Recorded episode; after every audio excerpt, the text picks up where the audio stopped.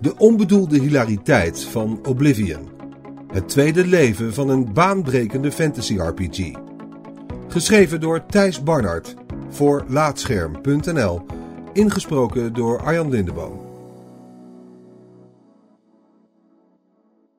The Elder Scrolls 4 Oblivion zette in 2006 de game-industrie op zijn kop met zijn gigantische fantasiewereld, ongekend realistische graphics en bijna ontelbaar veel mogelijkheden.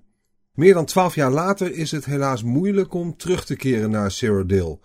Oblivion is heel slecht oud geworden. Toch is de vierde Elder Scrolls anno nu nog steeds populair, al is dat wel vanwege een iets andere reden. Oblivion heeft een tweede leven gevonden als onbedoelde komedie. De vele memes en video's vol interacties met onhandige computergestuurde personages zijn hiervan het ultieme bewijs. Het spel de The Room van games noemen gaat misschien wat ver, maar Oblivion is bij vlagen net zo buitenaards.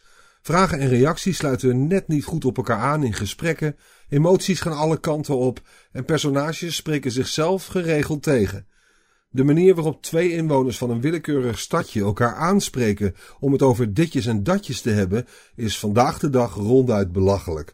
De robotachtige manier waarop personages antwoorden uitwisselen en langs elkaar heen praten, doet nog het meest denken aan een vage Tim en Eric sketch. En vooral niet aan de uiterst serieuze high fantasy simulatie die Oblivion ooit pretendeerde te zijn. Oblivion leent zich daardoor wel goed voor dit soort sketches.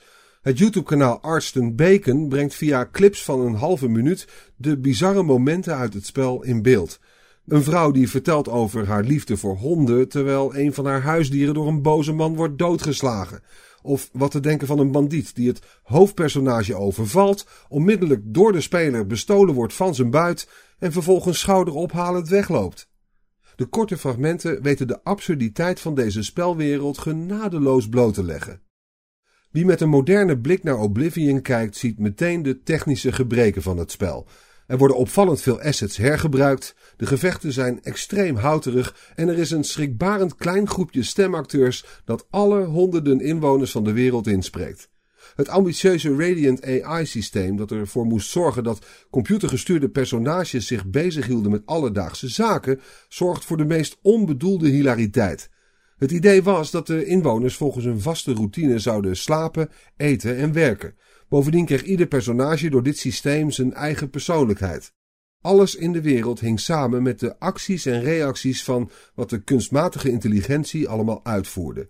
Voor de release bleek het Radiant AI-systeem echter te groot en belastend, waardoor Bethesda zijn ambities flink terug heeft moeten schroeven. Het resultaat? Een game waarin houterige fantasiefiguren trouw hun menselijke routines afwerken, zonder enige erkenning wat er om hen heen gebeurt. Geen ander YouTube-kanaal brengt dat zo goed in beeld als dat van de LaFave Brothers. In hun populaire video's persifleren ze de meest absurde momenten van Oblivion door ze in hun eigen huis na te spelen. De vreemde elementen worden door het duo onder een vergrootglas gelegd. Het helpt dat Emmet LaFave de stemmen van de bewakers uit de game perfect na kan doen, wat de nagespeelde situaties net dat beetje extra authenticiteit geeft. Wat Oblivion volgens de broers zo grappig maakt, is geen moeilijke vraag. De slecht gemaakte gezichten met weinig uitdrukkingen, gecombineerd met het overdreven stemwerk, is behoorlijk grappig, vertelt Max LaFave. Dat en de schokkerige en onhandige manier waarop personages zich een weg banen door de wereld, zoals we ook in een van onze video's persifleren. Met hun parodieën, let's plays van de game en Oblivion ASMR-video's hebben de LaFave Brothers een trouwe schare fans weten op te bouwen.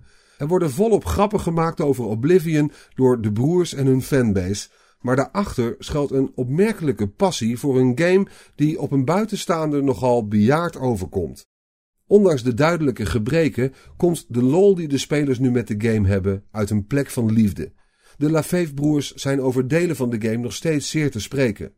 De gigantische schaal, de gelaagde wereldopbouw, de lore, de overdreven personages en de zweverige soundtrack van Jeremy Soule maken Oblivion nog steeds speciaal. Aldus Max. Dat Oblivion matig oud is geworden gaat er bij hen dan ook niet helemaal in.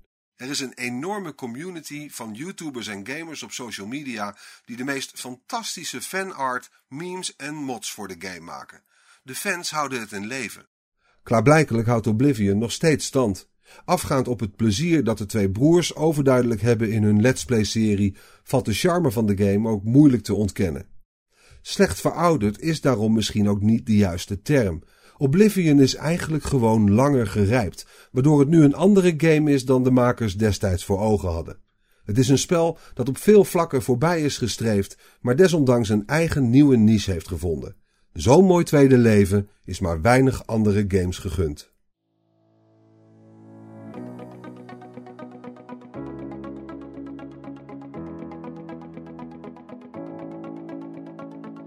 Dankjewel voor het luisteren naar deze aflevering van Laatscherm voorgelezen.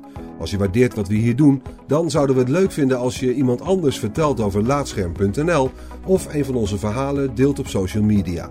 Je kunt ook heel eenvoudig 5 sterren achterlaten in de podcast-app van Apple en eventueel een recensie, waardoor we weer beter vindbaar worden voor anderen. Luister ook naar onze andere podcast, Praatscherm, en ga voor meer verhalen, geschreven of gesproken, naar laatscherm.nl.